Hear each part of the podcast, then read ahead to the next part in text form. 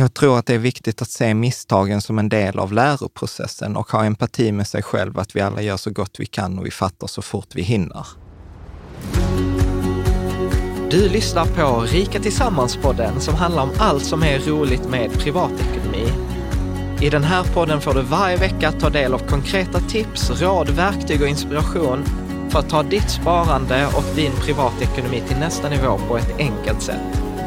Vi som gör den här podden heter Jan och Caroline Bolmesson. Idag är det dags för avsnitt 203 Mm. och jag tänker att idag blir det faktiskt en fortsättning på avsnitt 200 där vi pratar om våra och andras misstag. Och eh, jag tycker ju att detta är så viktigt. Alltså att eh, liksom en tråd som är så här, vad har du gjort bra, är inte alls lika intressant för att där blir det mycket så här turgrejer. Jag köpte Ja, man det. vet inte vad som var tur eller vad som var skicklighet. Ja, Inom ekonomi är det jättesvårt att Ja, och förstå. så, att, så att därför tänker jag så här att låt oss fokusera här liksom på misstagen, för att de Mm. kan man liksom lära från varandra och liksom tänker så att det behöver man kanske inte upprepa de här Mm. liksom misstagen som både vi och som andra har gjort. Men hur vet man att det är misstag och inte otur? Precis. Vi ser, vi ser vad som dyker upp här nu i del två. Det är ett fristående avsnitt, Ja, får man ändå säga. Man alltså- behöver inte lyssna på del ett eller titta på del ett, men, för att hänga med i detta nej, andra. men man Nej. kan göra det. Ja. Mm. Men jag tänkte säga så att alla framgångar är skicklighet och alla motgångar är otur. Ja, eller någon annans fel. Ja. Så att, eh, nej. Och, och, och, och tack också för alla glada tillrop eh, i det förra avsnittet. Eh, där det var någon som skrev också så här, vad kul att ni kan prata om era, era misstag och garva åt eh, det. Men jag tänkte, Ja, men det kan man efter ett tag efteråt, men kanske inte i direkt anslutning till. Och jag vet inte hur ni som lyssnar och tittar känner att det, det behöver gå liksom ett litet tag innan man sa okej, nu har jag fått distans till det. Ja, fast vet du vad, jag, jag upplever att jag blir bättre och bättre Ja, på det blir där. du säkert, För för att- du gör ju så många misstag. Så. Ja, då fick du in det också.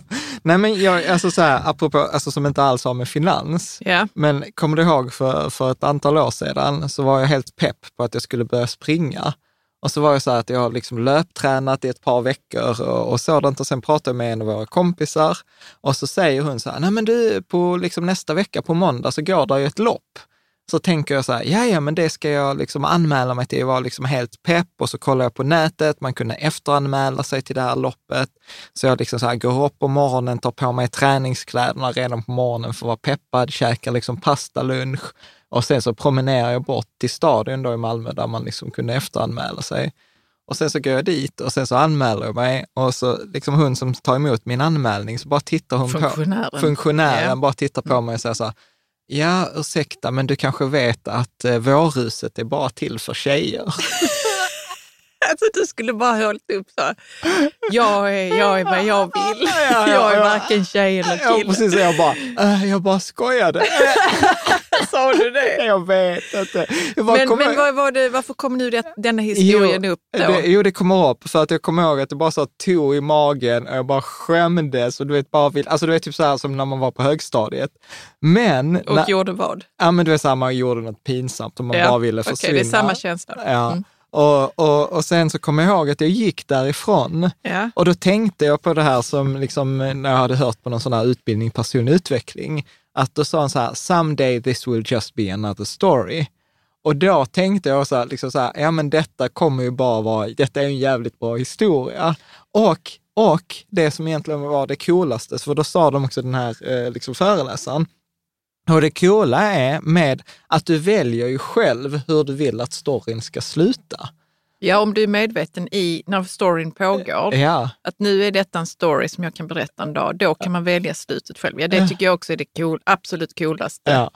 Eh, som jag har hört kring, kring våra, våra liv. Liksom. Ja, kring, kring våra Mm. misstag. Och nu tycker jag liksom så att det, det är en ganska liksom så här, ja, men en dråplig historia. Som man kan liksom, Mm. Hur slutade den för dig då? att, att jag blev förbannad när jag dagen efter såg, eller på kvällen sen såg att det var massa män som sprang utklädda till kvinnor.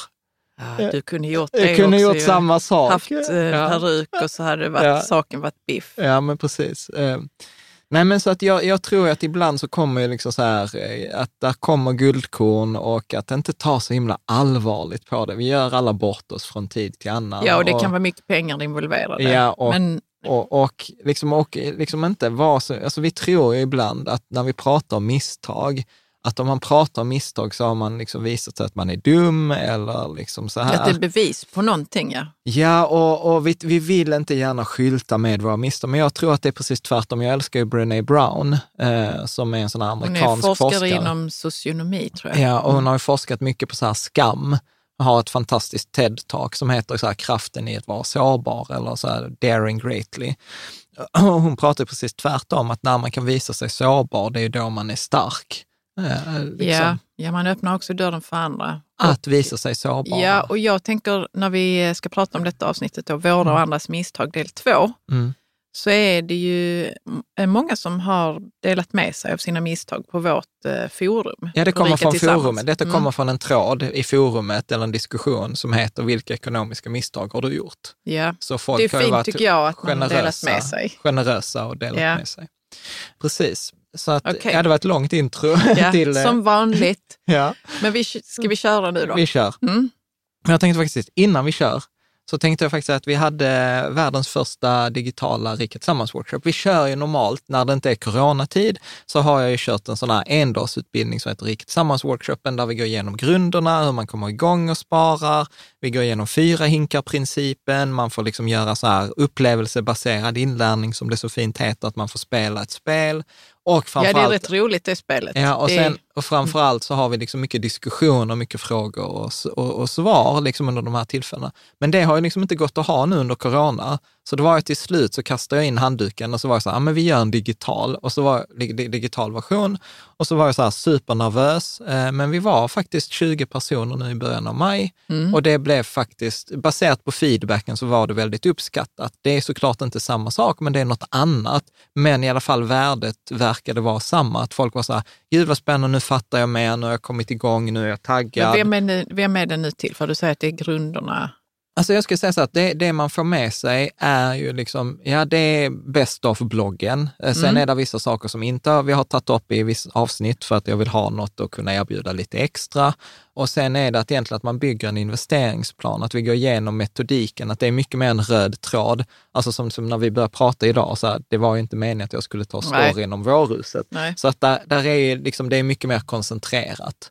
Men Får Eh, man jobba med sin egen ekonomi då på något vis eller nej? Det är mer... eh, Alltså det är mer att vi går igenom saker, man ställer frågor, sen har vi det, den digitala versionen uppdelad på två dagar, två kvällar. Så att då kör man liksom den ena kvällen, sen kan man gå hem och göra grejer och sen kommer man Ja. tillbaka den andra kvällen och så fortsätter vi Ja. eh, liksom där. Så man kan läsa mer på riketillsammans.se plus.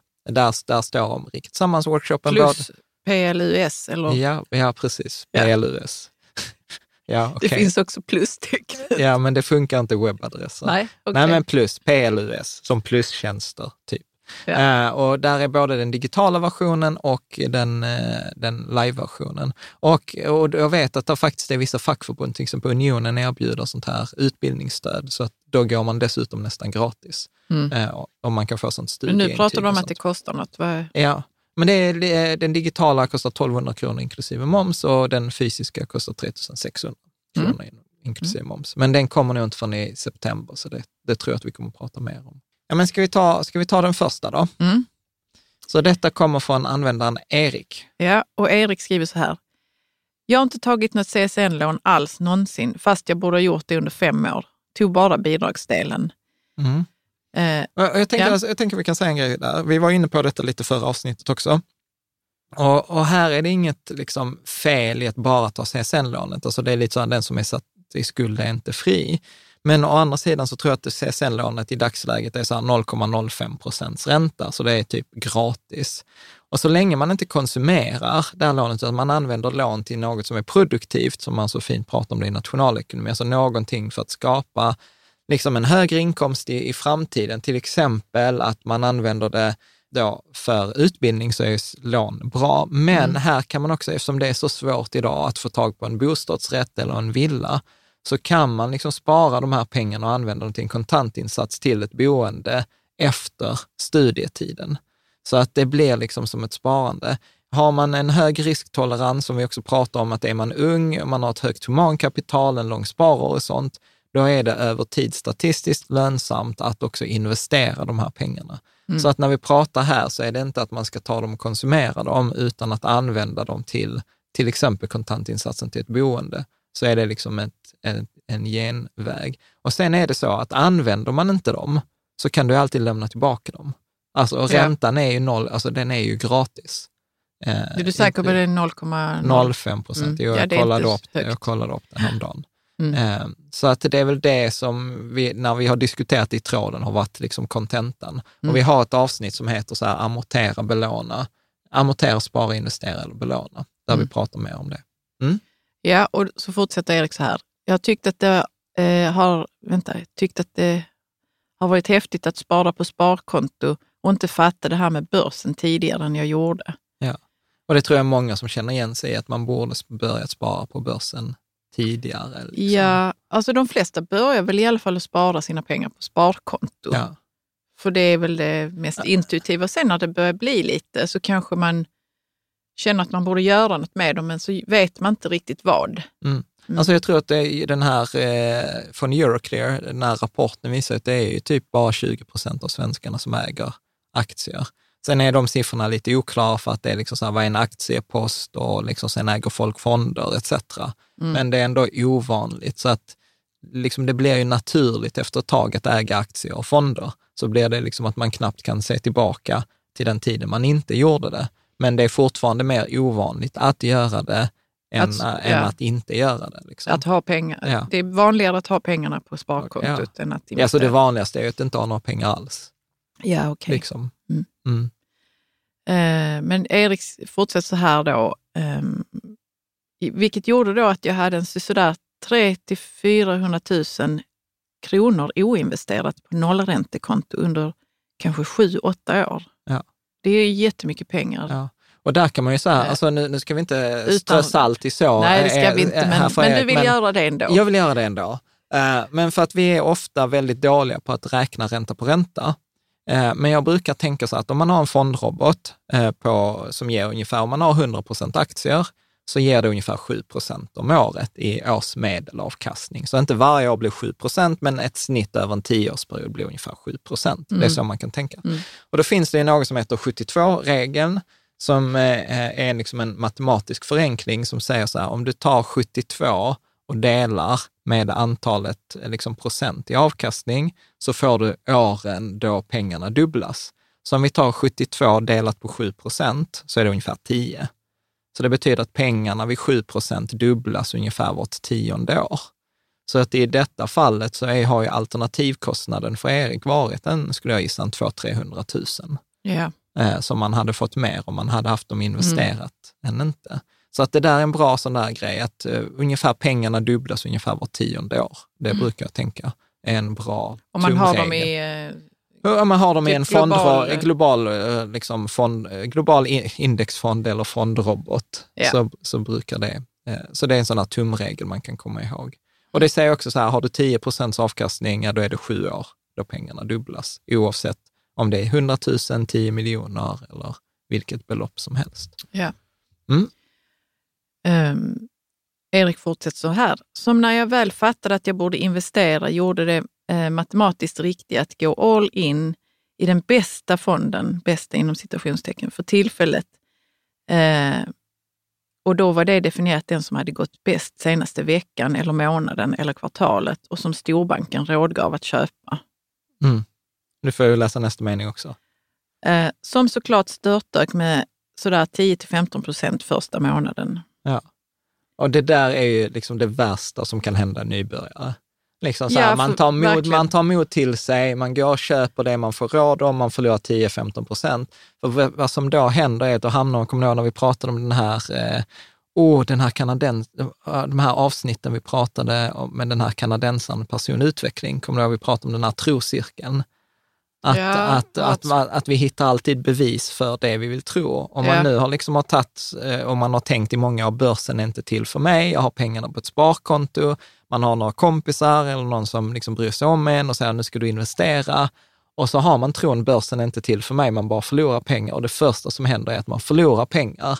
Och då får man vatten, och, då på får sin man vatten på sin kvarn och då tar man ut pengarna och så har man liksom tappat pengar liksom i själva grejen och man har dessutom blivit bränd för att inte använda liksom pengarna, investera pengarna Och det kan framgent. kosta en pengar. Ja, och då skriver han också så här, eh, läs, du kan läsa nästa. Ja, och då gjorde jag det känslomässigt korrekta beslutet att aldrig investera mer och ta ut alla pengar på botten och höll mig borta från börsen i ytterligare två år. Ja, Mm, så han hade förlorat pengar Ja, och det är och- det som kallas botten då. Ja. ja och, och, och det där eh, är, är, det är så vanligt. Det är så vanligt. Så att det bästa, liksom, jag brukar ibland säga så här, när du väl har valt att investera, bara blunda, håll för näsan och sen logga inte in på två år.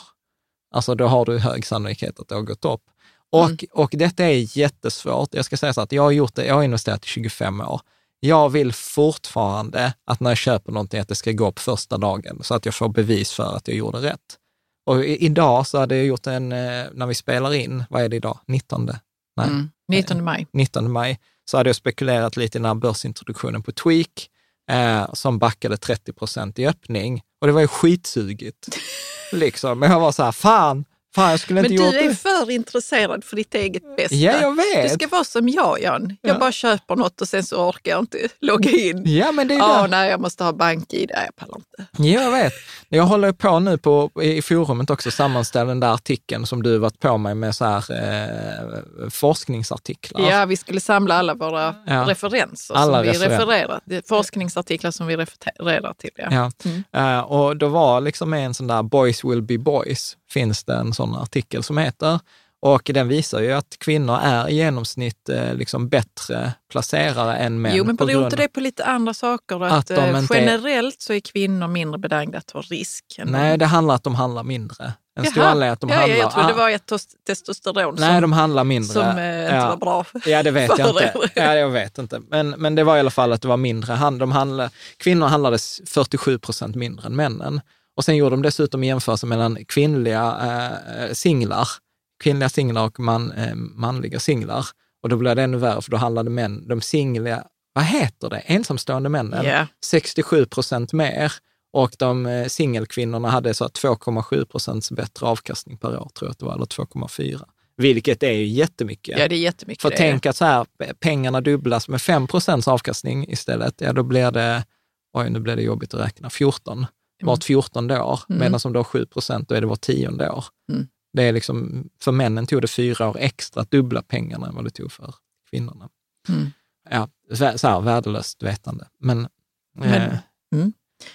eh, Eh, men Erik har, for, har ju ändå eh, förlåt, fortsatt ska här. Vi, men ska vi säga någonting mer om det? Alltså så att, eh, detta är väl så här klassiker som vi alla... Jo, och det är ju det här som vi brukar prata om ångerns tempel. Alltså börsen är ju fantastisk. Vi kommer alltid få besöka det här ångerns tempel. Att vi handlade för lite, handlade för mycket, sålde för tidigt, sålde för sent, köpte fel grej, Mm. köpte liksom för lite av rätt Vi har grej. alla varit där. Så att det är som Anders, Alla som eh, Andreas Brock.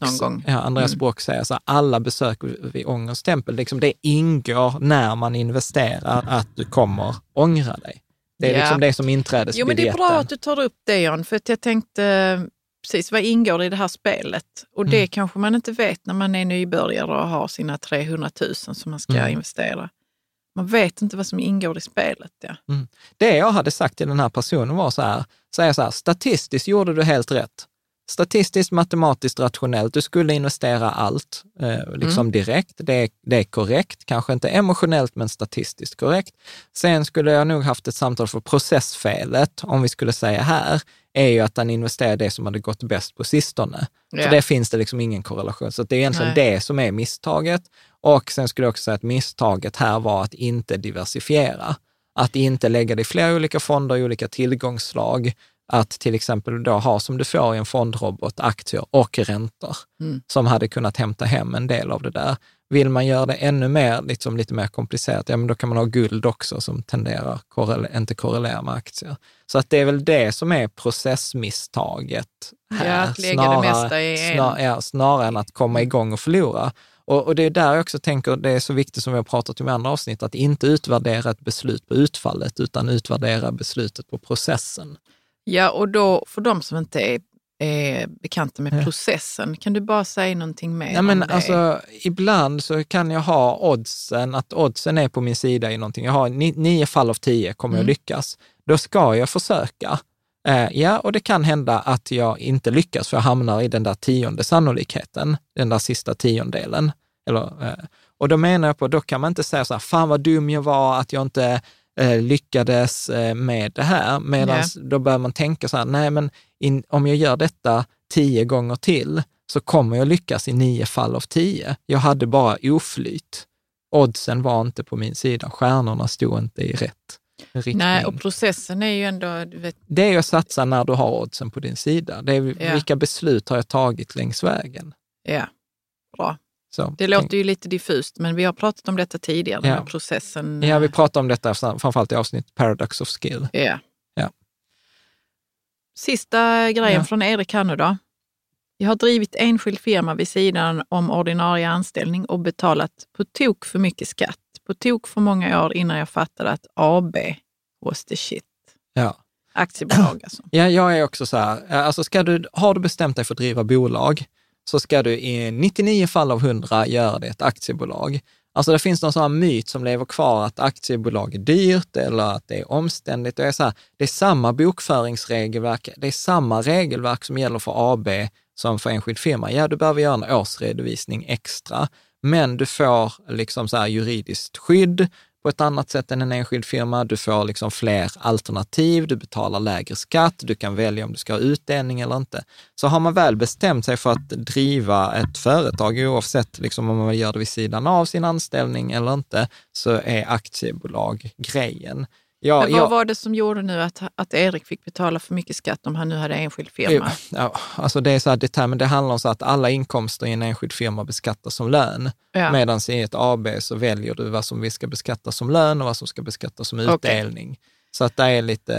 ja, det är lite skillnader Det är lite, lite skillnad. Jag brukar säga så här, enskild firma, det, är typ, det borde man få lov att starta först när man har haft ett aktiebolag i tio år. Liksom. Det är oftast, när det går åt helvete så är det oftast enskilda firmor. Liksom. Går åt helvete? Nej, men för det blir- för det blir- brett begrepp här för att, för att du vad som blir... kan gå fel. För att du blir personligt ansvarig i en enskild firma som du inte är i ett aktiebolag. Ja, det är ju främst det jag tänker mig att jag skulle Ja. nog hellre vilja ha aktiebolag för att då är min, min ekonomi, min Särskild. privatekonomi särskild Från för- företagets ekonomi. ja. Eh, Sen kan man ju fortfarande tabba sig med ett aktiebolag också, men det är svårare. Mm. Tack Erik Ja. för alla insikter. Ja. Mm. Ska vi ta Kent? Så har vi Kent H Ja. som skriver, "Mis- mitt största misstag historiskt har definitivt varit alltid utanför marknaden. Ja. Så, och vad betyder det då? Han har varit utanför marknaden. Att Han har inte heller investerat sina pengar. Ja, eller här kan man ju tolka, jag vet ju inte så mycket Nej. mer, men det kan ju vara så att man har trott att nu kommer marknaden gå ner, nu tar jag ut pengarna. Nu kan inte marknaden gå upp mer, liksom, nu har detta gått upp, eh, nu kommer det snart gå ner, så jag hoppar ut. Till exempel Ja. var det ju många som gjorde det under 2020, under den här coronakrisen, att man hoppar ut och sen hoppar man inte in igen. Och, och, och det är viktigt, jag brukar säga så här, att det är viktigare med time in market än att tajma marknaden. Det är viktigare med tid inne i marknaden än utanför. Så att detta har man också fått, eh, jag tror Daniel Kahneman som fick Nobelpris, han sa att i genomsnitt kostar det ungefär 2 procent om året i förlorad avkastning att försöka tajma marknaden. Och då är det ofta att man ligger utanför. Och sen är det också så att när man ligger utanför, börsen rör sig inte jämnt, utan den slår jättehögt. Och missar man sådana här stora rörelser, så liksom det, det kan vara så att börsen gör kanske 3 procent på en dag. Det är jättesvårt att ta in den om man, Ja, men vi har missat pratat om den. det innan, att det är väldigt svårt att, att, att komma in på marknaden när den är Ja. som lägst då och, och sen följa med upp och sen Ja. sälja och så gå ur och vänta på nästa. Ja, det, det Liksom, är det, eh, jättesvårt. jättesvart, så att Ja. det är lika bra. Ja, så att det, Att är ge liksom, upp det, det, men det är liksom. som, som när, vi, när vi gjorde intervjun med, med Henrik Tell, finansiella rådgivaren, så här, sitt still i båten om du har en bra båt. Mm. Och en bra båt är ju typ en fondrobot eller liksom de här modellportföljerna som, Ja. som vi har. Så att, så att detta är väl liksom så här också klassiker. Jag har också gjort den. Jag var också utanför mellan typ 2000 2005. Eh, dumt. Mellan 2005, Mellan 2000 och 2005. ja, ja när vi fem år pluggade, där ja. Mm. eh, i stora drag. ja. Ja, ska vi Okej. ta nästa? Erik D har skrivit så här. Jag har gjort två typer av misstag. Det första är att jag har investerat dåligt och det andra är att jag har tjänat för lite pengar. Mm. Hur, hur eh, ska vi ta de dåliga Ja, ta- investeringarna? ta dåliga investeringar.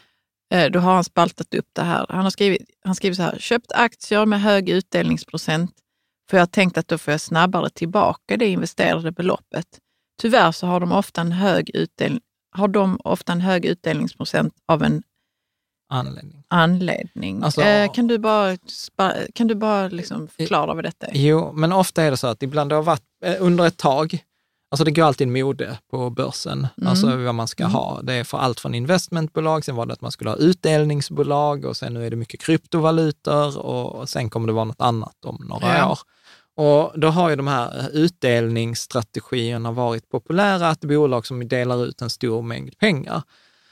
Medan jag har liksom aldrig riktigt förstått det där, utan jag har ju alltid hävdat att folk som lyckas bättre med en utdelningsstrategi än en annan strategi är att om du köper eh, företag som gör en utdelning, då har du implicit sagt att jag köper bolag som har en vinst. Förhoppningsvis. Ja, ja, och bara det att man köper lönsamma bolag är en jättestor fördel jämfört med att köpa olönsamma liksom tillväxtbolag eller liksom förhoppningsbolag. Problemet är att om jag tittar på det som, liksom som företagare, så kan jag ju tycka att ett företag som lämnar utdelning är ju ofta ett företag som inte har någon större kreativitet. För hade de varit kreativa så hade de ju använt pengarna i verksamheten för att öka vinsterna. Med? Så, Men- så, att, så att, att ett bolag ger utdelning är inte för mig alltid ett gott tecken. Det kan vara det om det är en mogen bransch, alltså typ... Ja, jag eh, tänkte det också, att det behöver inte alltid vara så att man vill... Ja, men om man säger att man kan, eller- inte, man kan inte växa mer, eller man kan inte expandera mer, eller så här att man är i en mogen fas. Men, men titta på Amazon till exempel, eller Apple, i många år så lämnade de ingen utdelning. Och det, det var ju då företagen växte som bäst, gjorde som bäst grejer. Mm. Så att jag är ju hellre ett företag att de återinvesterar sin egen vinst. De ska ju kunna göra det bättre än vad jag kan göra. Mm. Så att, eh, och där finns ju, och sen blir ju sådana här högutdelare blir ofta straffade när de, så fort de sänker utdelningen, Så eh, lämnar folk... så lämnar folk, för då, då har de liksom brutit mot den här magiska re- regeln att utdelningen ska vara ökande över, Mm. över tid. Mm. Och så är det liksom sådana här påhitt att ja, men detta företaget är en utdelningsaristokrat och sånt. Åh, ja. Jag har aldrig hört talas om det. ja. Men du, eh, Erik eh, det skriver ju att eh, de har en, ofta en hög utdelningsprocent av en anledning. ja. Och Och det, sen är det det någonting du har nämnt nu? Ja, men det de är de här till exempel att de inte är kreativa. En annan Mm. är ännu värre, det finns ju bolag som har lånat till utdelningarna. Ja, det har, ju- vi har pratat om Ja. det för länge sedan och jag, Ja. Ja. jag, jag fattar inte varför gör man det? Är Ja, för det att ägarna för behöver Att, pengar. men eh, det låter i alla fall inte klokt. Kan vara Men det klokt. kan det men- säkert vara. Men det beror ju, beror, beror ju på hur, liksom, det, det är inte nice, om vi säger så. För att det straffar kan- liksom andra ägare, liksom, eh, eller inte kanske straffar andra ägare, men det straffar företagets långsiktiga utveckling. Mm. Att för det, man tar skuld, det, det är ju som att ta skuld till konsumtion. Alltså det är ju lite lyxfällan beteende. Det är inte som att jag lånar, som vi var inne på innan, för att växa företaget, för att anställa folk, för att ta marknadsandelar, för att köpa en konkurrent eller någonting sådant, utan det är, det är ett oproduktivt lån. Ja, som kostar pengar för Ja, företaget ja, ju. ja. Så att det går sämre för företaget. Ja. Så känner jag att jag får en sån sjunkande känsla i magen av att Ja, jag vill nu lämna, jag kommer sälja de här aktierna, det kommer inte gå bra för detta företaget. ja.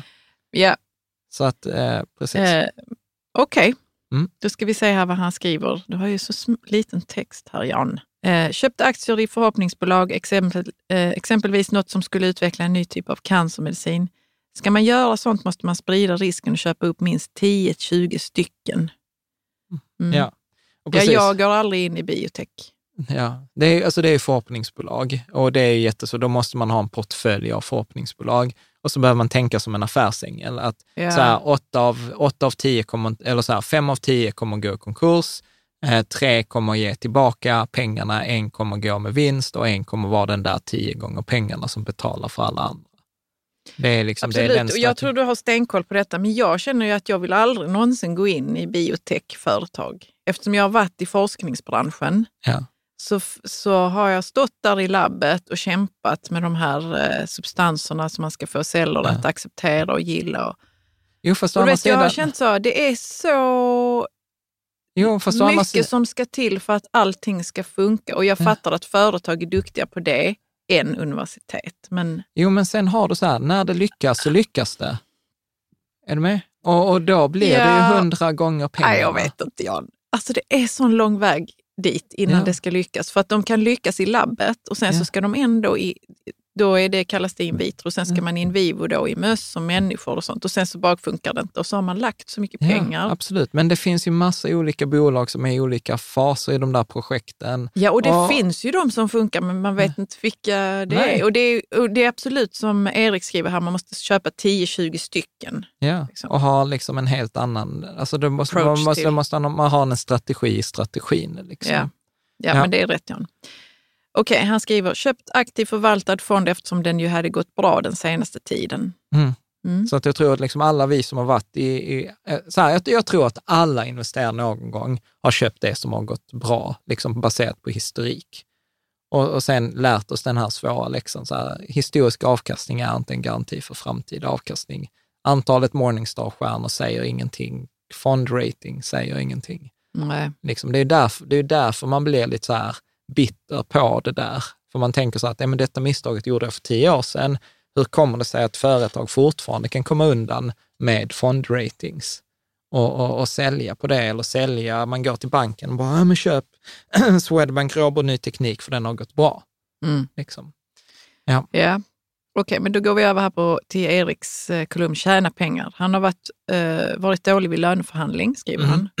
Ja, det har vi pratat om i förra, för, Mm. förra avsnittet, där vi pratade om eh, tjäna pengar. Mm. Ja. Han har inte utnyttjat rätt tillfällen i karriären. Ibland ges möjligheter som sällan ges. Hoppar man över dem så kan det dröja länge innan man får samma möjlighet igen. Mm. Här tror jag att det handlar också om eh, självförtroende. Att ibland våga ta steget. Och Ja. Jag hamnar i det där ibland också. Som nu så, så har jag blivit ombedd att hålla liksom i ordförandeskapen för en bolagsstämma imorgon. Och så var så här, min kompis som var så här, ja men kan du inte bara hålla i det, det är bara en pappersstämma. Jag bara, jo men det kan jag göra. Och sen så bara liksom så här, får jag en så här lång konversation mellan två advokater som diskuterar vad som ska tas upp på den här bolagsstämman. Där de diskuterar så här undantagsregeln liksom i aktiebolagslagen. Och jag bara kände så här, okej, jag har inte självförtroende för att göra detta längre. Så jag var ju så här, äh, kan jag hoppa av? Och sen inser jag så här, nej men det där är ju bara jag som inte har självförtroende för, Ja. för det där. Och jag, tr- jag tror att, och så tänker jag återigen så här, vad är det värsta som kan hända? Okej, värsta som kan hända är att då får de väl ta om den där jävla bolagsstämman en gång till. Ja, och då, och då du kommer... Och jag kommer att ha en bra historia hur Ja. jag gjorde bort mig framför massa folk.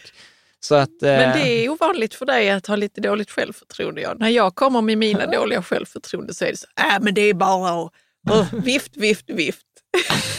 Upplever jag.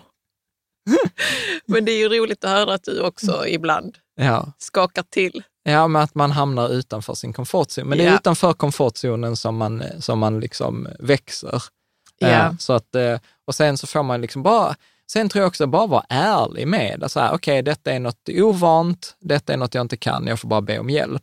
Mm. Så nu fick jag av den ena juristen, fick jag så här, okej, du ska säga denna mening. Och så var jag så här, okej, jag är inte dum i huvudet, men liksom. så, Nej, nej, men det, det, han men visste väl inte vilken nivå Nej, men det var snällt, för nu fick jag det verkligen så här, jag kan läsa till så att, ja, det ska nog gå bra. Ja. Vi får se. Dyker jag inte upp i nästa poddavsnitt så vet ni varför. ja. Eh, och, och då skriver Erik vidare så här. Eh, Mitt största misstag i karriären är att jag enbart kört på känsla och gjort det som jag velat just då. Vill man tjäna mer pengar bör man nog ha en mer uttänkt strategi om vad, vad man vill. Fast det där skulle jag inte säga är ett misstag. Jag skulle nog säga att inte utnyttja tillfällen som ges Mm. för att man inte har självförtroende eller så. Det skulle jag säga är ett misstag. Men att, att gå på det man tycker är kul och det man vill göra, det tror jag nog är bättre än att vara strategisk i sin karriär. För Men man kan jag, ju också vara strategisk. Ja, jag tror det, men jag tror inte att Men det är, man... det är jag svårare tror, för det, man kan inte vara långsiktig med... så här, jag om tror, man inte jag, vet jag, jag exakt tror, vad det är man tycker om att göra, det Jag- tänker jag. Ja, för mig är det jättesvårt. Alltså jag skulle säga så här, det är klart man kan designa en karriär så, okej, okay, jag ska få bra betyg på universitetet, sen ska jag göra McKinsey två år, liksom mina hundår, sen ska jag gå till investment banking och sen ska jag bli vd på ett liksom, litet bolag, sen ska jag bli vd på ett börsbolag. Alltså så kan man ju designa en, en karriär som kommer tjäna massor pengar. Mm. Men genuint så tror jag att det där ofta är fejkmål. Så att jag tror, inte att, jag tror inte att man ska designa. Jag hade inte rekommenderat våra barn att, att designa en sån karriär, utan att, gå, heller. utan att gå mer på vad som är roligt och sen liksom anpassa det. Liksom hellre i så fall göra det man tycker är kul och det man känner för och ställa sig frågan som vi pratade om i förra avsnittet, hur man tjänar pengar. Hur kan jag tjäna pengar på det här? Det tror jag är en bättre strategi för att tjäna pengar än att ha någon sån här, ja, fem år eh, managementkonsult, fem år det eller... Mm. Sen kan Erik sen, kanske känner så att han inte överhuvudtaget Ja. har tänkt på liksom var, Ja. var vill jag hamna eller vad vill jag göra. Och det är, jag håller med dig, man ska göra Ja. det som man tycker är kul ju. Ja. Men jag, Sen, sen, sen, sen ska man också säga så att kul är ju en av mina viktigaste värderingar. Är det inte kul så kan det vara. Så att det här, detta kommer ju väldigt subjektivt från, eh, från ja, mig. ja, absolut. Eh. Och, och, men jag håller med dig Jan, för att jag har ofta hamnat i det som jag har varit duktig på men som jag inte har tyckt var kul, Ja. projektledning. Och då, och det, ja, då måste man vara mer aktiv, tänka ut så vad tycker jag är kul eller känna efter. Mm. Liksom. Mm. Medan som jag hade gått på det som jag bara var duktig på. Alltså jag hade inte kommit så långt till slut på det heller. Nej, jag vet inte. Tyvärr är det så. Ja. Mm. Ja, det är intressant den här sista eh, Ja. punkten. Ja, det känns som att vi kommer komma tillbaka till den vid något tillfälle om 50 avsnitt eller något sånt. alltså, Jo, Ja. men det, det känns som att det är en ja. viktig punkt. Vi- Du, du, du som lyssnar och tittar kan ju gärna kommentera också. Vad du tyck, tyck, är, tycker vi att detta är ett misstag, att enbart köra på känsla Ja, för det, är just, det här är en större punkt än vad vi tror. Det är därför Ja, vi ja. sitter här och är lite clueless vad vi ska säga nu. Nej, Eller men du var inte clueless, men nej. jag var så här, vad är jag duktig på, vad tycker jag är kul? Ja, det är inte riktigt samma sak alltid. Liksom. Att jag har inte utvecklat det som jag tyckte var kul. Utan Ja. jag, Ah, alltså, ja, Ja. Ni får jättegärna kommentera på den här. Ja. Är det ett misstag att inte vara strategisk i karriären? Eh, bra, ska vi gå Mm, vidare? och nu går vi vidare. Ja. Okej, Leona Bird Ja. skriver så här. Jag kan berätta ett verkligt ekonomiskt misstag jag gjorde. Jag fick 350 000 kronor som 19-åring och brände allting på några år på resor, festande och bara typ hushållsekonomi och att inte jobba och bara ha det gött. Det var ett ekonomiskt misstag. Ja. Och jag skulle argumentera precis på samma sätt. Jag är inte helt säker på att detta var ett misstag. Hade hon haft mer, eller han, haft mer pengar om de hade investerat de pengarna idag? Ja. Hade de haft lika bra historier? Nej. Hade de haft eh, liksom samma livserfarenhet? Förmodligen inte. Nej. Eh, och, och jag tror att man inte kan, liksom så här som Steve Jobs i det här commencement speech, som är en sån fantastisk YouTube-video, pratar. Du kan inte connect the dots i förhand. förväg, utan du kan bara göra det i efterhand. Så, att, så han berättar så här, jag gick en kurs i kalligrafi. det För jag verkar- tyckte om det. För jag tyckte om det. Ja, och sen tio år senare så var det så här, ja, Macen blev det första datorn som hade fina teckensnitt och fonter för att han hade gått en kalligrafikurs. Det var inte som att han tänkte så här, nu ska jag läsa kalligrafi, för om tio år ska jag designa en dator, då behöver vi teckensnitt. Mm. Så att ja, man kanske inte hade behövt ta hela, men att alltså så här, slå sig själv för det här, det tror jag inte att man har så mycket för. Tänker jag. Nej. Och sen tänker jag också på det här som vår vän Lennart brukar säga, så här, att de flesta av oss, eller inte de flesta, alla gör vi så gott vi kan och fattar så fort vi hinner. Mm. Sen kan man ju också vara som förälder, så att om, om vi har 350 000 till våra barn så kommer de inte få 350 000 på ett bräde. Men absolut ska ju en del pengar användas till, liksom, det är ju den här balansen mellan spendera idag och spara långsiktigt. Alltså allvarligt talat, vi vet ju inte om vi kommer vara här långsiktigt. Så att, så att jag, jag skulle inte vara så här, komma med någon pekpinne här och säga så här, Nej. gud vad dumt, du skulle investerat dem, då hade du haft 750 000 istället. Dum, dum, dum. Nej, men tänk också att det finns säkert människor i omgivningen här till Leona Ja. Bird som, kom, som har sagt saker. Så det Ja. skulle du inte gjort eller Ja. om, tänk om du hade investerat. Det är inte säkert ju Ja. att det finns, men det, det, man kan ha den rösten själv till och med. Ja, ja. Det är bara att gå vidare. Jag håller med. Man har massa bra historier och ja. kanske lite visdom från att ja, men nästa gång vill jag lägga undan pengarna. Ja. Eller hälften av. Ja, uppenbarligen så sitter hon ju på forumet idag. Ja, absolut. Så, så, så att, och det eh, är, Så att nej, jag, nej Mm. jag hade inte tyckt att detta var något, liksom, det är ingen mening att, att så här gråta över spilld mjölk, skulle jag säga. Och jag skulle inte ens säga att det är spilld mjölk. Bra, men du, jag tänker så här, en, en slide som vi inte har förberett. Du och jag hade ju en diskussion här om ekonomi häromdagen. Ja, det hade vi. Det var bra. En bra diskussion. Ja, vill du dela med dig? Jag vet inte ens var jag ska börja. Kan inte du börja så kommer jag in i diskussionen. Men jag, jag kan säga så här, från mitt håll så har jag kanske inte varit helt ärlig med vad jag behöver.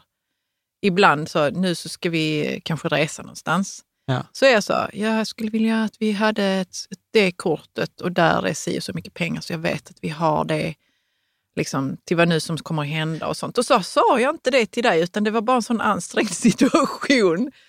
Är du med? Ja, fast det, det, det tror jag är lite oförklarat. Nej, men så här, i vår ekonomi, vi har ganska, jag brukar säga så här, att vi har en ganska tajt resultaträkning. Det vill säga så här, inkomst och utgifter på månadsbasis matchar varandra ganska exakt. Ja. Så vi går inte så mycket plus på månadsbasis. Däremot har vi en ganska stark balansräkning, det vill säga att vi har ganska mycket tillgångar och liksom hanterbart med skulder i förhållande till det. Och det gör ju så här att i slutet av månaden, så i mitten av månaden, så kan det på vårt liksom Swedbank-konto vara kanske 5 000 kronor. ja. Och det tycker du är jobbigt? Jag tycker det är jobbigt för jag vet inte så hur mycket vi har egentligen som vi kan hämta in till det här. Och om, Ja. jag kan, om vi kan gå till ICA liksom ja. och spendera si och så mycket. Och jag är ju upp, uppvuxen med att vara snål. ja, Så det går, jag går bara igång på det, men det gör mig också olycklig ja. att snåla. Ja, och sen, så, och, sen, och sen så är det också det här att du inte prioriterar dig själv i det där. du Ja, tänker då blir det att jag vill avboka frisören och den ansiktsbehandlingen som jag nu har haft bokad i två månader. ja, Alltså jag bara vill avboka sådana saker då och eh, snåla. ja. Och, Och, och då har jag inte tittat på vår eh, a- att det finns pengar liksom. balansräkning. Ja, liksom. Att det finns liksom, ja men vi det, skulle... de är borta för mig, de är inte där, man ska inte konsumera dem. Liksom. ja. Så hur skulle, du, hur skulle du definiera liksom insikten eller misstaget då, för dig själv? Som jag sa i början här nu när vi pratade om det, att inte vara ärlig med hur det känns eller vad jag tänker. Mm. Utan att bara harva på på mitt håll och inte säga till dig så, du vet du vad, nu så känns det som att det är lite ont om pengar på kontot här och eh, det känns inte bra för mig och nu vill jag ju avboka mina sådana här eh, att jag ska gå till frisören. Det sa jag ju till slut Ja. till dig, jag gjorde, ett an, jag gjorde någonting annorlunda denna Ja, gången och sa till dig, Jan, det känns inte bra för mig. Istället för att de andra gångerna, alltså jag vet inte hur många gånger jag har avbokat saker för mig själv för att jag har känt så, nej men det finns inte plats i ekonomin för det nu. Ja, Och så har det funnits plats, det är bara att jag inte har sett, den, sett det liksom, eller Ja. velat se det. ja, Mitt största misstag var att inte vara ärlig med hur det känns kring pengar för dig. Mm. Så att vi kunde lösa det tillsammans. precis. Nej, men jag, jag, jag tänker att det där är ju, det där är ju jättevanligt, tror jag. Och, sen, sen, är jag, sen är jag ju inte oskyldig i det där heller. Liksom, Berätta så- mer nu. Nej, men det kan vi gå vidare. Du Nej. har gjort misstag här. Nej, men Berätta jag om tar det ju inte det, så här, jag har ju så svårt att relatera till det där. Så att som du sa, jag kan ju vifta bort det. Alltså jag, när du kom till mig häromdagen så bara, "Ah, jag har tittat på en klänning, den är jättedyr, den kostar någon tusenlapp. Jag bara så här, men köp den. Och så var jag liksom, sen gick jag ja, vidare. du tyckte så. Vad är problemet? Ja, vad är Men, problemet? men då Bara hade vi inte pratat om vad problemet var. Att det var en, en eh, rädsla, en attitydfråga och det var det som var problemet. Det var inte liksom att klänningen var dyr. Nej, och jag, och jag var så här, men vad- så, här, "Ah, men den kostar 2000 kronor. Alltså fuck it, bara köp den. Och, och så var jag så här, "Ja, men så bara för vi över Vi har pengar." 5 000 kronor på Swedbank. Jag bara, Ja. nej. ja. För jag tänker, jag är inte där och kollar, utan jag kollar ju liksom på, på helheten mer. Mm. Du kollar mer på helheten. Eh, hel. Och, sen, Mm. och sen, sen när vi väl satt oss så sa jag så här, men titta här Caroline, vi kan med några dagars varsel få en ganska stor summa till vårt Swedbank-konto, men där är liksom ingen poäng i att ha massa pengar liggande på Swedbank. Är ett nollräntekonto etc. Nej. Så att, så att det var väl liksom, vi hade väl ett superbra samtal kring, kring det där sen. Men jag tror att det där är rätt vanligt, att man inte skiljer på, eller att man skiljer väldigt mycket på en resultat och balansräkning, att man tittar bara inkomster in och ut och sen tänker man inte hur man kan hantera liksom sina tillgångar skulder. Och det där är rätt intressant, Mm. för att jag tror att de flesta har det som man kallar liksom för en enkel ekonomi. I balansekonomi så hade vi tre definitioner. Enkel ekonomi, det är så här, det är pengar in, pengar ut. Mm. Det, är typ, det blir inget över. Alltså när man är student så är det typiskt en enkel ekonomi. Och sen så kan man liksom, nästa steg blir ju liksom att, att eh, man har pengar in som sen går till exempel till att betala ofta liksom skulder, ofta ett bolån. Eh, eh liksom. Och då plötsligt börjar de ju kopplas ihop, ja. liksom, eh, resultatet och balansräkningen. Och, och då märker man, liksom så här, det, det, är där man har sett Lyxfällan, att fokuserar man väldigt mycket på skulder, att man får många skulder, plötsligt så käkar ju det upp alla inkomsterna och vi har de här minus 10 000 i månaden. Och plötsligt har balansräkningen väldigt negativ påverkan på resultaträkningen. Mm. Och resultaträkning, det heter ju för att det är inkomst och utgifter. Inkomst och minus utgifter blir ett resultat. Mm. Balansräkning, det är tillgångar och skulder. Och där man säger att tillgångar minus skulder blir ju min förmögenhet.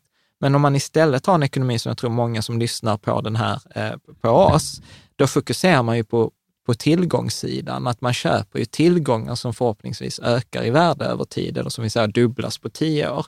Då plötsligt så kan man ju liksom sälja av en del av de tillgångarna och liksom få in dem så att man kan använda dem för att spendera pengar. Men den kopplingen gör vi aldrig, utan vi tycker ju att pengarna som en gång har sparats, de ska ju sparas i all framtid. De kan man ju inte använda för att köpa en klänning eller de kan man inte använda liksom, för att de får liksom ett annat mentalt värde. Det är exakt så för mig. Ja, och, och där kan man göra liksom just det att vi tillskriver pengar olika mentalt värde. Jag brukar ju ta det här exemplet med en lampa, jag har säkert tagit det i något annat poddavsnitt, att eh, föreställ dig liksom att du åker till en affär, så ska du köpa en lampa för tusen kronor. Du hittar den här lampan, den är jättefin, du står i kassan, ska precis betala den och så är det någon som knackar dig på axeln och säger så, du vet vad, den här lampan finns på rea i en affär typ en kilometer bort, så där får du den för 500 kronor. Och frågar man då en grupp, alltså jag brukar ställa den frågan på föreläsningar, frågar man en grupp, hur många av er hade åkt liksom en kilometer, fem minuter bort för att spara 500 spänn på en tusenlapp?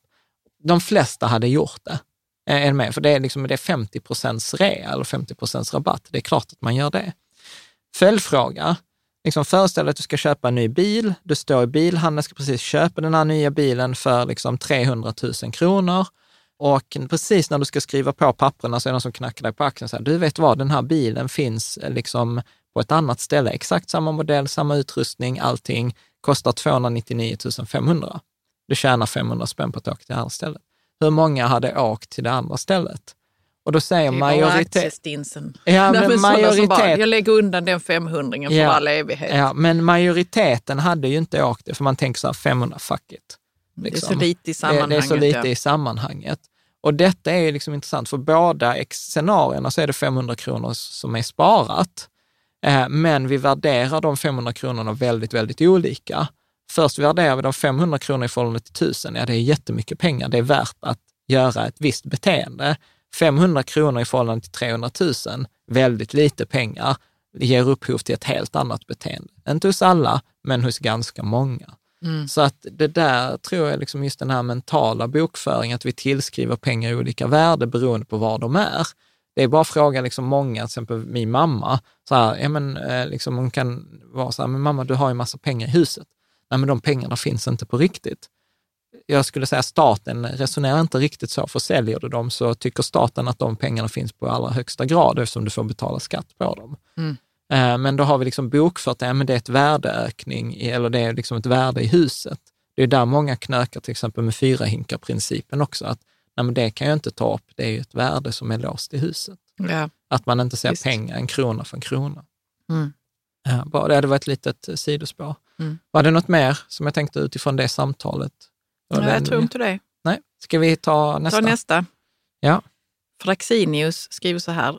Jag testade på daytrading under någon månad och gjorde stora vinster på 50 000 kronor i veckan och fick storhetsvansinne.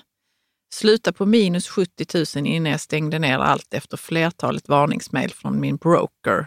Ja. Också så här klass... Vad är en broker för någonting? Ja, men typ Avanza eller Nordnet, alltså ah, ja, från okay. ens mäklare. Mm. Eh, Det finns mycket studier på daytrading. Eh, majoriteten, över 90 procent, eh, slutar inom 12 månader. Vad är nu daytrading? Alltså att man, eh, att man ska försörja sig på att handla, köpa och sälja aktier på daglig basis. Att jag Ja. har inget jobb utan jag tjänar pengar på att handla med aktier. Mm. Majoriteten, över 90 procent, slutar inom 12 månader sämre. Sen finns det, sen var det också när man gjorde någon undersökning i Brasilien och så visade det sig att det var typ så här, alltså extremt få, några på tusen som tjänade pengar, men då tjänade de ändå inte mer än en vanlig liksom, arbetarlön. Nej. Så att det är extremt Man får sitta svårt. rätt mycket också väl? Ja, och, och, och, och det är för mycket slump. Mm. Du kan, och det är det som visar sig, ja men slumpmässigt stora vinster. Och hade detta varit processorienterat, hade detta handlat om en färdighet, så hade han ju fortsatt göra 50 000 i veckan. Mm. Med? Men eh, Absolut. Jättesvårt med daytrading, jätte, jättesvårt. Alltså Mm. så pass mycket att det, det är liksom don't do it. Mm. Detta är faktiskt en, här en kvinna som delar med sig, eh, som handlade väldigt, du, du kan läsa eh, högt här. Ja. Husköp står här. Mm. Eh, husköp tillsammans. Han ville ha lån över köpesumman för renoveringar och förbättringar. Han hade renoverat upp och sålt ett par villor tidigare och hans familj var väl ansedd på orten, bland annat som fastighetsägare. Så det var väl självklart att det skulle in på hans konto som skulle användas till husekonomin. Något år senare upptäckte jag att pengarna gick till att betala upp hans checkkredit och att han slagit om till elpatron när eldningsoljan tog slut och så vidare och så vidare. Så nej, en förmögen och framgångsrik familj är ingen garanti för att förmågan gått i arv till alla. Mm. Och det där tänker jag på, jag har sett det där i, i Lyxfällan också ibland när jag tittat, att, att man har någon sån här blind tillit eh, till att den andra ska sköta det. Och jag, jag har liksom så här, ja, jag tycker ju man ska ha tillit, men vad är det man säger? Tillit är bra, kontroll är bättre. Eh, ja.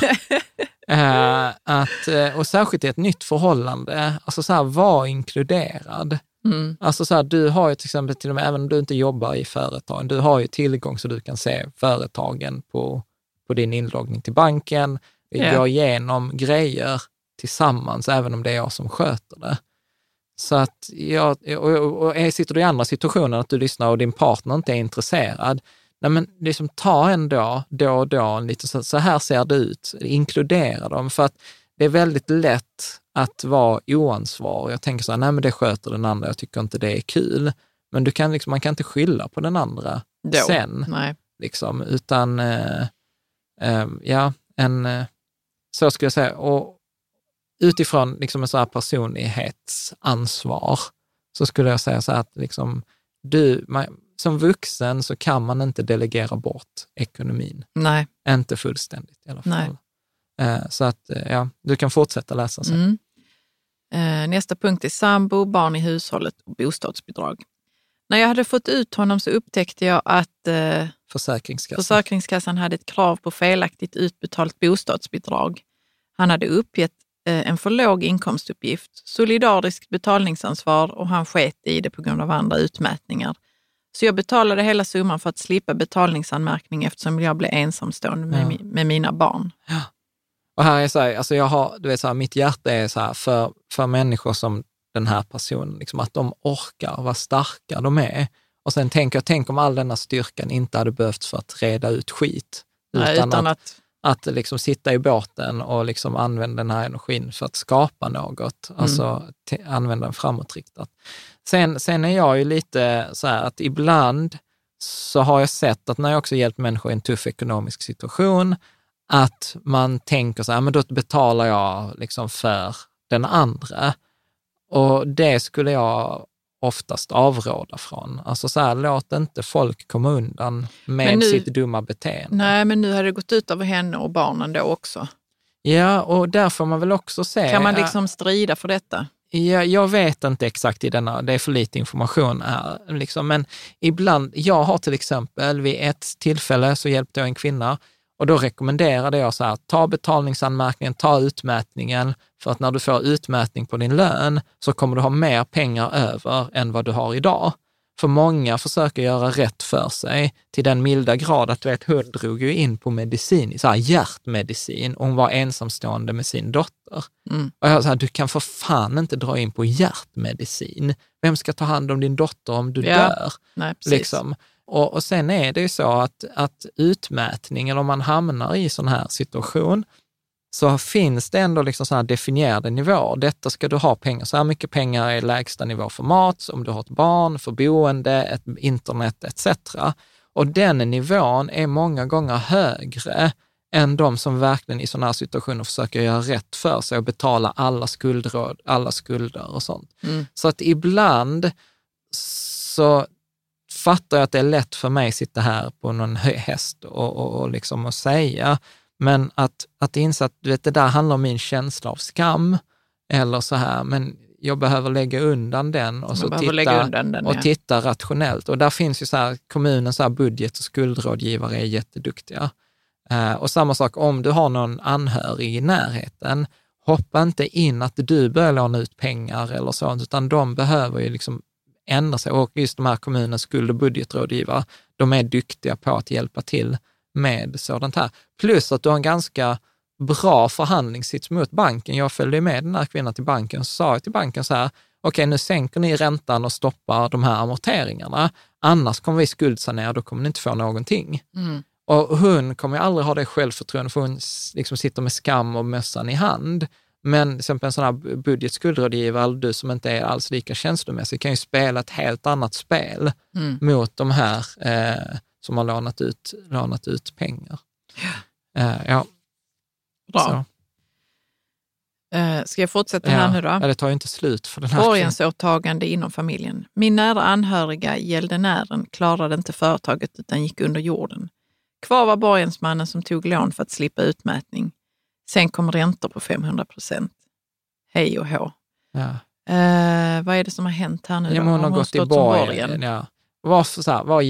Alltså typ de enda jag hade gått i borgen för, det är typ våra barn. Mm.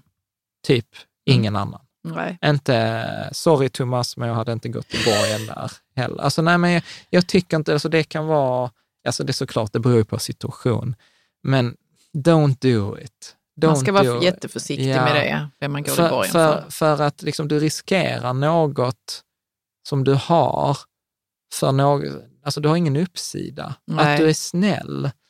Mm, är, är det snällt av den andra att be dig vara i borgen? Alltså, ja, nej, nej jag tycker det är klurigt. När, när ber folk om att få, eh, att få någon som går i borgen? Nej, men det kan vara lite olika situationer, till exempel om man inte har råd eh, med ett bolån, till exempel. Det är ju så barn oftast. Ja, barn att- oftast ja. Ja, man behöver ta lån, man har inte ekonomin för det, så man ber sina föräldrar bli medlåntagare eller gå i borgen. Det är väl det vanligaste, skulle jag säga. En annan situation är till exempel om man driver ett aktiebolag eh, och, eh, eller en firma och man vill låna pengar till företaget, så får oftast företaget inte lov att göra det de första Nej. åren. Eller banken. Företaget får lov att göra det, men banken vill oftast inte göra det. Så att då får man ofta gå i borgen för företaget. Men att gå i borgen för företag är så sjukt vanskligt för att summorna kan bli så stora i förhållande till liksom en privatekonomi. Alltså företag är ju många gånger större än en privatekonomi. Och, och företag har så många andra sätt att ta in pengar på som är mer designade. Det är därför du har aktier i ett aktiebolag, så att du ska kunna ge ut aktier i utbyte mot pengar. Ja. Och om, om det inte är aktieägare eller investerare som vill investera, varför ska du då gå i borgen? Alltså, då, då är det liksom, ja, jag brukar ju tänka så här, om en idé inte får pengar, särskilt idag när det är så mycket pengar där ute, så är inte idén tillräckligt bra. Och är den inte tillräckligt bra att attrahera investerare, ja då ska du fan inte gå i borgen. Alltså, nej, jag, jag är anti, anti det där. Mm. Alltså som sagt, gå i barnen för en lägenhet, men, men då har man ju säkerheten i lägenheten. Ja, precis. Men- men- Man har helt andra Ja. sätt att kunna Ja. påverka barnen också i Ja. att göra, ta rätt beslut liksom, kring sin precis. ekonomi. Ja. Mm. Så, så skulle jag tänka. Så att jag beundrar den här kvinnan jag har sån respekt och det är så här, ensamstående mammor som gör sådana hjältedåd. Det är, det är magiskt. Och sen undrar jag dem så här, tänk, tänk om de kunde unna sig att, att istället för att släcka bränder kunna bygga liksom långsiktigt. Mm. Mm. Bra, ska vi gå vidare eller något du tänker? Nej, vi går vidare. Ja. Uh, Okej, okay. här har vi Low fucking value som har skrivit dyr bil som var rolig att köra i två veckor. Sålde den direkt efter att ha läst Millionaire Next Door. Ja.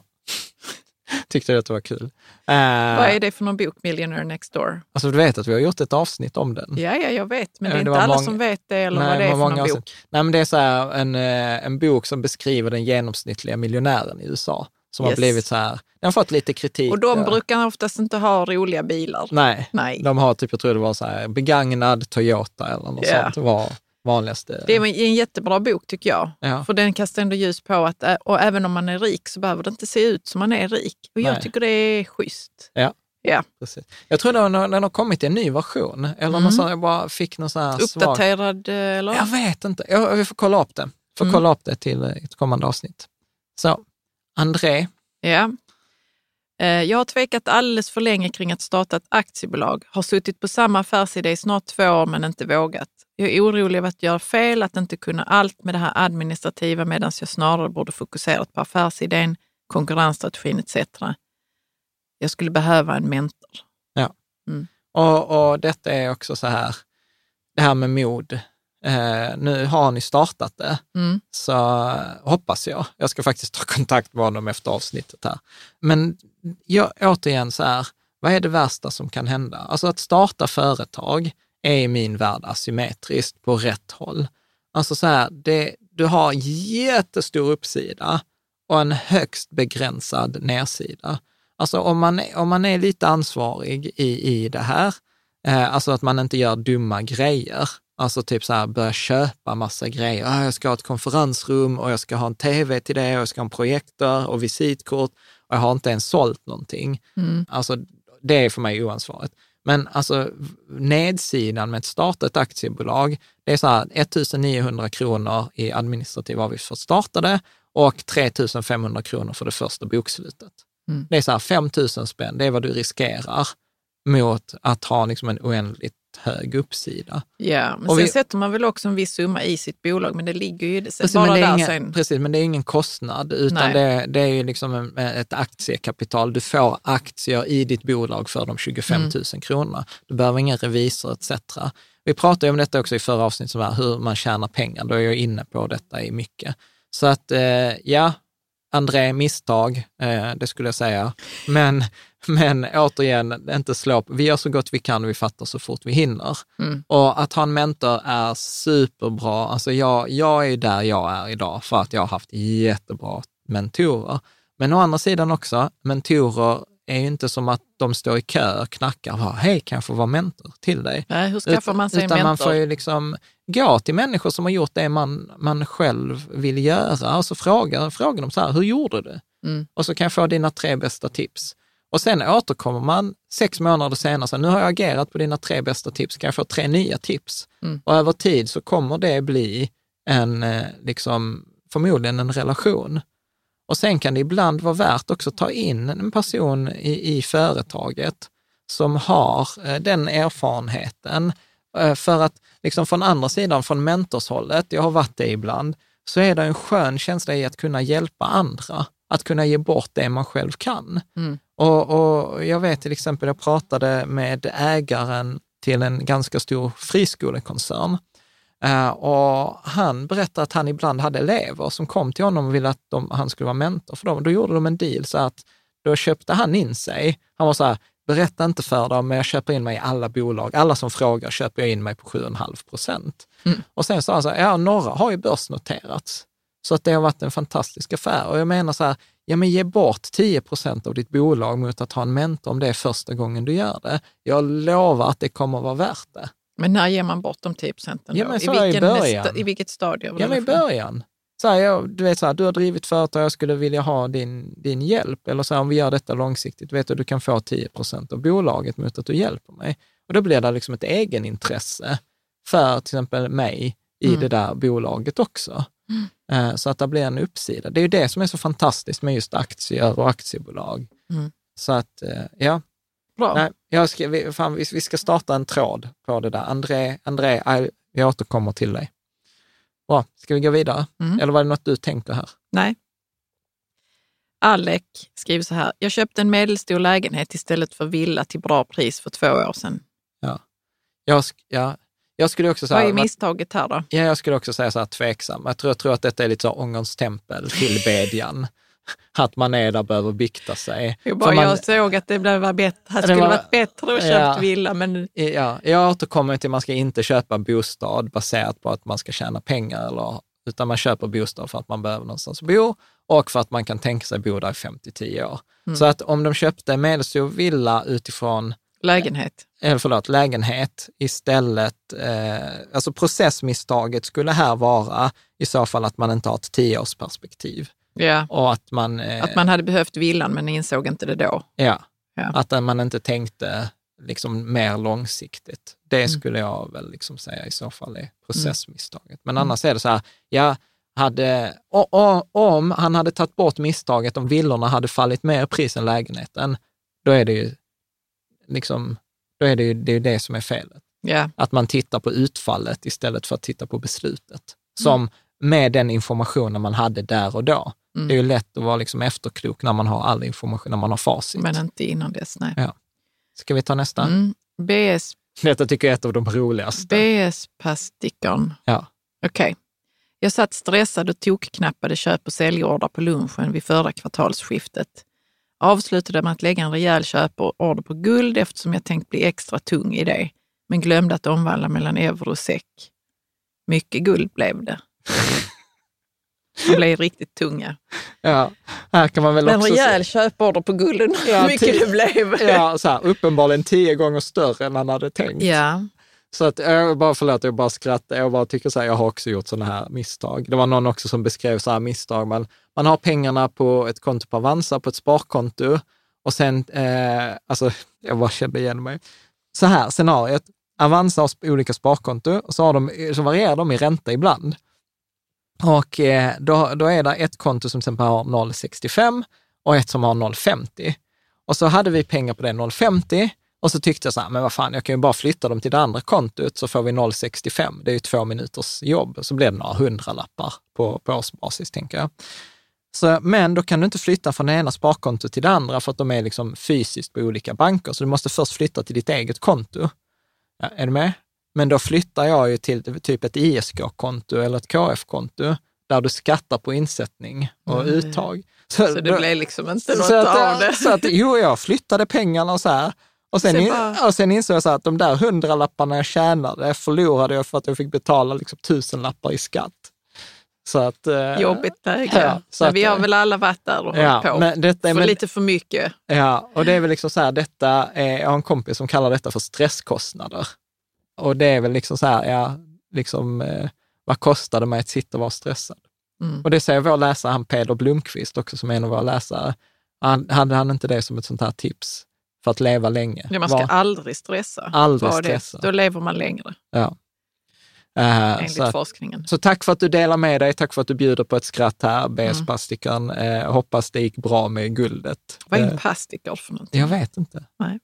Jag vet inte, får vi kolla upp, eller vi Mm. får fråga sen. Vad Mm. det. Vad har vi här sen? Eh, JFB har skrivit rätt många misstag här. Vi började med första.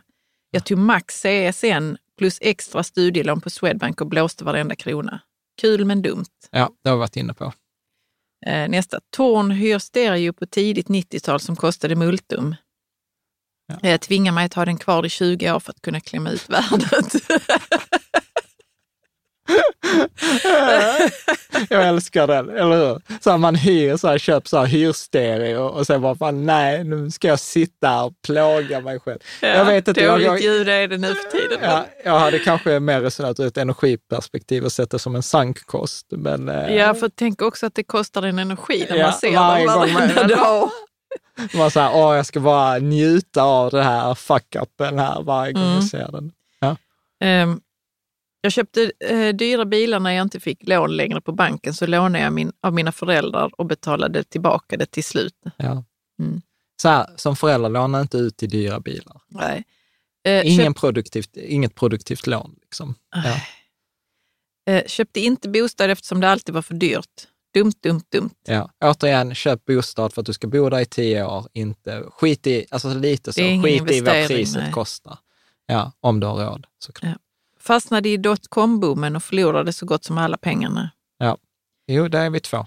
Fastnade i teknisk analys som kostade mycket i avsaknad av avkastning. Mm. Teknisk analys är när man... Kolla på grafer, detta har gått upp och nu är det huvudskuldraformation eller så här, nu har kursen gått upp över sitt veckovisa snitt. Mm. Säg, säg inte mer, det verkar Ja. tråkigt. Eh, fastnade i råvaruboomen strax före finanskrisen men han ut före det small. Så bara avsaknad av avkastning. Mm. Man kunde förlorat mer, ja. Sparade på tok för mycket på mitt konto och alldeles för lite investerades på börsen efter att jag bränt mig på ovan. Känner vi igen det från andra misstag? Mm. Ja, jag har också varit där, både 2002 och 2009. Liksom.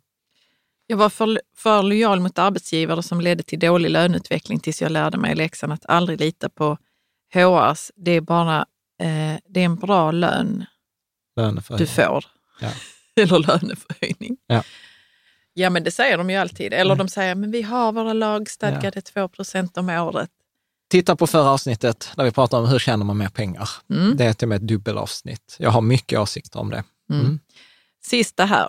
Eh, För feg för att satsa rejält när tillfällena gavs. Ble, eh, blivit bättre men håller nog ändå en större margin of safety än de flesta på grund av historik. Ja, och detta är JFB. Så här, JFB är en av de eh, som skriver på forumet som jag alltid läser. Mm. Väldigt många kloka åsikter. Mm. Och jag gillade detta för att det, är så här, se att det, åh, det är samma misstag som vi alla gör. Mm. Och du som lyssnar har säkert gjort något av alla de här. Jag har ju gjort flera av de här. Jag har gjort teknisk analysgren, jag har förlorat pengar i dotcom men vi köpte inte bostad ett tag för att det var för dyrt. Mm. Och, och sen var det rätt länge för att vi inte hade råd också. Men, men sen hade vi råd, men det var för dyrt, Mm. tyckte vi. Mm. Så att eh, tagit för lite betalt, varit för lo- lojal mot arbetsgivare. Eh, ja, jättegeneröst att dela med sig av alla de Tycker här. du att jag har varit lojal mot arbetsgivare? Alltså Caroline, du har för fan, du tjänar 14 000 som doktorand. Ja, Och du fick var- inte jag var ju pension. doktorand då Ja, ja, och du fick inte någon pension och sen skulle du jobba för Lunds universitet. Vad fick du? 28 000 i månaden efter en doktorsutbildning. Ja. Eh, ja. Vi All behöver- right, vi går vidare.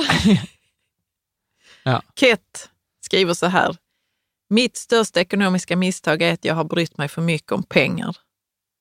Jag har varit så gott som destruktivt snål och inte rest, sagt nej till restaurangbesök och allmänt umgänge.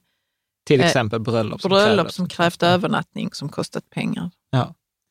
Och, och detta är så här, Så jag vill bara modigt. bli helt tyst när jag läser detta för att vi har å andra sidan en kvinna som säger att jag har bränt det på resor och festande och sen så kommer Ket här Ja. och har liksom helt diametralt motsatt Ja, Visst är det uppfattning om, om sitt ekonomiska misstag. Och Ja. det, jag tycker nästan detta är mer eh, ett större misstag.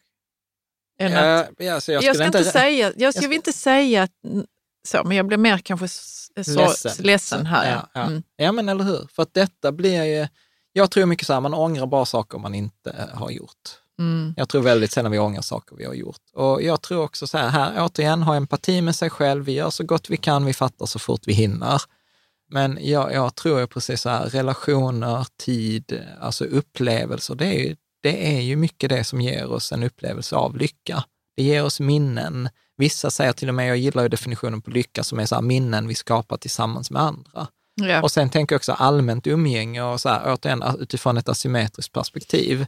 Du vet, liksom så här, du offrar fyra timmar liksom, och du kan slå in på en helt ny väg. Alltså ta sen vissa på Patreon, och så här, ja, men jag går med i Patreon och sen har liksom vi gjort saker tillsammans på Patreon som har liksom helt skiftat liksom väg, så att man vet aldrig vad som, de här tillfälligheterna. Så att jag tyckte det var väldigt generöst av Det var det. K eh, att dela med sig av det här. Mm. Och det låter ju som att liksom insikten har kommit och att man kan prioritera liksom andra saker. För du har ju också varit inne på en variant av den här ju. Det är kanske inte allmänt umgänge, men du har ju inte unnat dig själv grejer. som vi pratade innan, din ansiktsbehandling eller sånt. Destruktivt snål. Ja, men det vet jag, jag sitter fortfarande där att jag vill avboka det för att det är så... ehm, Ja. eh, För det är ova- jättesvårt att... eh, Prioritera sig Ja, jag själv. vill hellre sätta in pengarna någonstans på Lysa då. Ja. Och, och precis. Och, och, Det, man kan ha insikten, men man kan ändå gå i sina spår. Liksom, så man måste liksom inte välja. kan gå, man går i sina, man går i med sina, spår. Man måste det- välja något annorlunda. Ja, och, och, och, och, det är obehagligt. och, liksom, man kommer, och man kommer lyckas missa flera gånger. Mm. Liksom. Mm. Du kommer flera gånger avboka. Sen försöker vi hjälpas åt här att jag får vara förbannad på dig när du avbokar. Liksom. Ja, för det hjälper mig, Jan, att du Ja. blir förbannad. Ja, men, hjälper inte mig ett skit kan jag säga. nej, men För du att du är inte vad jag... förbannad mer än en kvart. Ska vi... eh, Anyway, ja, ja, det, den här tog nog i hjärtat lite faktiskt. Ja. Mm. ja, men det var det. Karl 8 skriver så här. Jag trodde länge att investeringar, aktier och fonder var något extremt komplicerat. Samt att banker och rådgivare var de enda som kunde och visste vad de höll på med. Mm. Ja. Ja, men jag har är också varit här- där. Ja, det är den här guru-grejen. Liksom. Ja, men vem ska man lyssna på? Ja, Är ja. ju Det, där, det är ju att finansbranschens man själv stora... inte tror att man kan. Ja, det används otroligt mycket komplicerat språk och termer och sånt. Terminologi liksom Ja. i finansbranschen. Ja. Och så behöver det inte vara. Nej. Jag kan säga att de flesta som jobbar på bank har inte koll. De har inte koll, tyvärr. Eh, vissa, de, många rådgivare har inte heller koll. Tyvärr. Tyvärr, så att... Eh, Och vad menar du med koll då? Liksom? Nej, men de rekommenderar, jag hade ju fortfarande där rådgivningssamtalet med Swedbank, där de rekommenderar Swedbank Robot Ny Teknik. Mm. Och jag skulle ha 50 procent av portföljen i det. Alltså bara så här idiotgrejer. Men det är inte som att de vet och, och, och egentligen säger något annat, utan de vet genuint inte bättre. Så att, eh, ja, nej, detta är väl liksom så här superbra att man behöver liksom skapa sig sin egen bild. Ja, och, där har vi ju liksom de här avsnitten och, som där vi tittar på forskning och hänvisar till andra källor. Men detta är ju jättesvårt. Liksom. Och så att det bästa tipset jag är så här, ifrågasätt alla som kommer med råd, ifrågasätt även oss. Mm. Liksom. Eh, för att det finns inga objektiva råd, utan liksom alla råd kommer ifrån den, den, liksom kombinationen av åsikter och värderingar. Så till exempel mina råd är alltid defensivare, Mm. förmodligen än vad de hade behövt vara, eh, till exempel. Och sen är det andra som är betydligt, ger alltid för aggressiva råd, till exempel. Eh, så att det gäller ju, gäller ju liksom det här som vi brukar prata om, att ibland tänker vi som att investera är en aktivitet som vi kan vara överens om. Men vi tänker sällan på att vi har olika mål, olika bakgrund, olika mängd pengar, olika situation, olika risktolerans, olika eh, mål i livet. Och, och, och en bra beskrivning, som jag sa det, det var liksom så här att, ja, men, säg att du ska ut och springa, ungefär att springa, att investera. Men du kan nästan se framför dig en maratonlöpare, en styrkelyftare som pratar om, alltså, om att springa. De kommer ge två väldigt olika råd, två helt olika syften att vara ute och, och springa. Mm. Eh, så, och då är det viktigt att veta, så här, lyssnar du på liksom, i springa, lyssnar du på maratonlöparen eller styrkelyftaren? Eh, det tänker jag. Så att, ja, Okej. superviktigt. Eh, jag har också varit här, Mm. eh, absolut. Ja, ska vi ta några till? Sen tror jag att vi får avsluta, för nu har vi pratat i en och en halv timme snart. igen. Mattias A90. Jag har pillat alldeles för mycket i mina portföljer med procent hit och procent dit. Därmed legat utanför marknaden en hel del på grund av sälj, byt och köporder hela tiden. Nu har jag lärt mig att låta bli och faktiskt lita på att portföljerna är bra som de är. Mm. Det är det här som vi var inne på, time in market, det är viktigare Mm. att tajma marknaden. Mm. Eh, och det tänker man inte på att när man byter fonder så är det ju ofta en tre dagar man Mm, ligger Då utanför. ligger man utanför. Ja. Superbra, så här, pilla inte, återigen, insikt, så här, pilla inte på portföljerna. Liksom. Du är din, dina pengars största fiende. Mm. Ja. Johan skriver så här. Att gå väldigt många procent med vinst i Fingerprint precis i början av mitt investerande gjorde att jag fick en enorm övertro på min förmåga, vilket i sig ledde till fem år av köp i förhoppningsbolag och aktiva fonder. Nu sex år efter jag började har jag äntligen börjat titta på vad forskningen säger. Mm. Så att det där är ju precis som man kan förlora, alltså det största, värsta man kan råka ut för som nybörjare, det är att förlora första dagen. eller i närtid, eller tjäna jättemycket pengar Mm. första tiden. För båda leder till liksom fel insikter. Det ena leder till att börsen inte är till för mig och den andra leder till fan vad lätt detta var. Mm. Och, och, och, och börsen tenderar att göra en ödmjuk över tid. Så att ja, grattis, jag känner igen detta. Du vet, jag spekulerar i bolag som Flyme och Sting Networks och sånt på 90-talet. Tjänade massor av pengar och sen gick det åt helvete. Liksom. Flyme, ja, det var länge sedan jag hörde om dem. Ja, det var ett flygbolag i konkurs. Mm. Ja. Fondgurun skriver så här. Största misstaget så här i efterhand är att jag gick runt och trodde att jag aldrig kunde lära mig investeringar, att jag aldrig skulle kunna bli ekonomiskt fri. Mm. Precis, så här, självförtroende. Liksom. Mm. Så att, ja. Alltså, Men vänta här nu. Visst, ehm, kan det inte vara så också att man inte vet vad som krävs för att eh, bli ekonomiskt fri eller förstå investeringar? Det liksom är töcken för en. Nu vet Ja. jag inte hur det är för fondgurun här, men nej, men för mig det är... det så. Så fort jag inte har lite mer koll på eh, konkreta fakta liksom, eller kan själv liksom, rita på ett papper och lägga upp en plan eller liksom Ja. bli konkret med saker.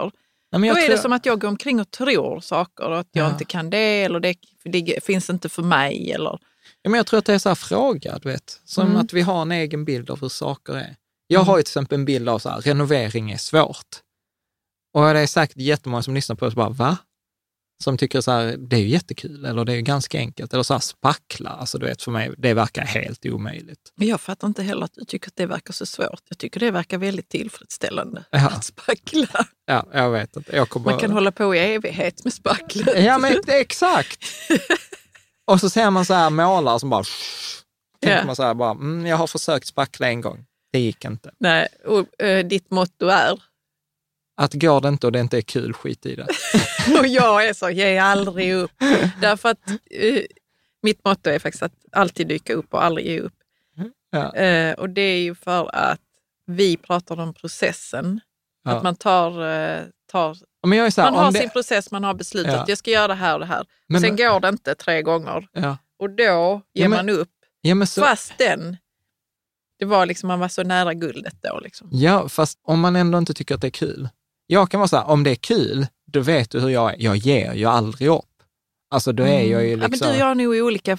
Eh, liksom, men, men, för jag kan tycka det är kul efter ett tag. ja, nej.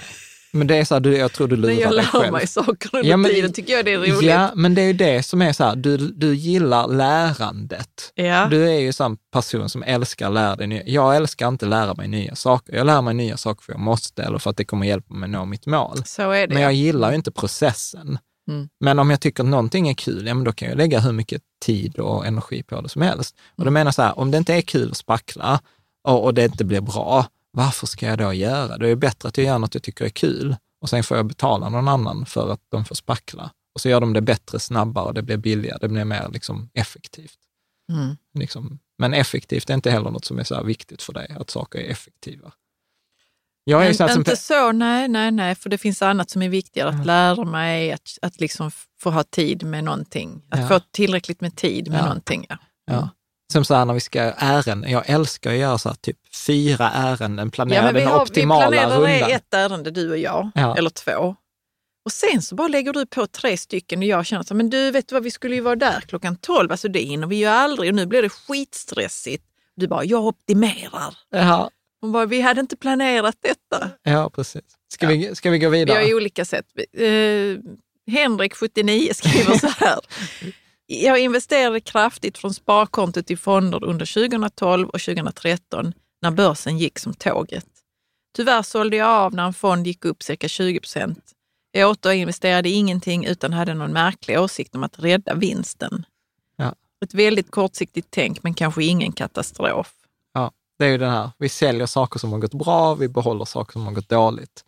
Och det är så här, enda gången att sälja något som har gå- gått bra, det är så här, för att du har något som, du kan, som kommer gå bättre. Liksom. Mm. Eller, så, eller som liksom många av mina professionella kompisar, när något går bra så ökar de i det. De köper mer av det. Vilket var så här i många år, alltså så här 20 år, har jag inte gjort det. Utan har något gått bra, då ska man hämta hem vinsten och sälja av lite. Dumt, dumt, dumt, dumt. Du ser väldigt för... Det är för att man tror att det kommer gå, att nu kommer snart Ja, Och ändå säger jag så här, matematiskt, ett rekord på börsen följs i genomsnitt av Men 42 vänta här nya rekord. nu. Jag känner att vi har något viktigt att prata om här nu. Jag har ju mina Tesla-aktier Ja. som har gått jättebra. Alltså Ja. jag har tjänat jättemycket pengar på dem. Jag har tjänat mycket pengar. Detta säger jag bara för att det retar Jan. För du, du, du ty, tror att snart kommer de att gå ner. Så här kan det inte gå och, och sådär. Hela tiden säger du att de kommer gå ner. Ja. Och de så har sitter gått du här ner. själv. Jag borde ju köpa mer Tesla då ju. I... ja. Vi går vidare. Ja, vi går vidare. Nej, Visst, men, vi kan men, göra men, det. men det finns ju liksom någon slags, som ett, för, ett aktie är ändå ett för företag. det måste gå i rimlig takt. Det kan Nej. inte gå hur bra som helst. Det måste gå i rimlig takt, eller hur? Nej, Om man men, räknar på vissa saker så är det helt orimligt att Tesla har gått så bra som det har gjort. Eller hur? Nej, det det är är ditt inte- argument här nu. nej, för jag Jag har... borde köpt mer Tesla helt enkelt. Ja, ja, jag känner mig lite svarslös här. Jag är så här, på ett sätt så är jag så här, don't argue with reality. Och ja, där är, på börsen till exempel just nu, så en, en sån som jag förstår ju inte börsen nu. Liksom att, att det är till exempel Hemnet eller Tesla eller vissa av de här aktierna. Men då är det vissa som säger så här, nej, värderingar spelar inte längre någon roll, utan det är flöden som är viktigare. Och då är det ju förmodligen jag som inte fattar. Och då kostar det mig pengar att inte fatta. Men jag är så här, i min strategi, om jag inte fattar, då, då är jag okej med att jag inte tjänar pengar på det. Mm. Så att om du tycker att du fattar och har så här, så alla benör, investera mer i, i dina Tesla. Ja, men jag vill bara... Jag vill inte, det är inte Teslan det handlar om här. Det som det handlar om är Ha rätt. Att du säger att eh, din professionella kompisar köper mer när Ja, någonting har upp gått till bra. en viss nivå. Ja, för det måste ju ändå ligga så mycket mer bakom det beslutet att köpa mer, Ja.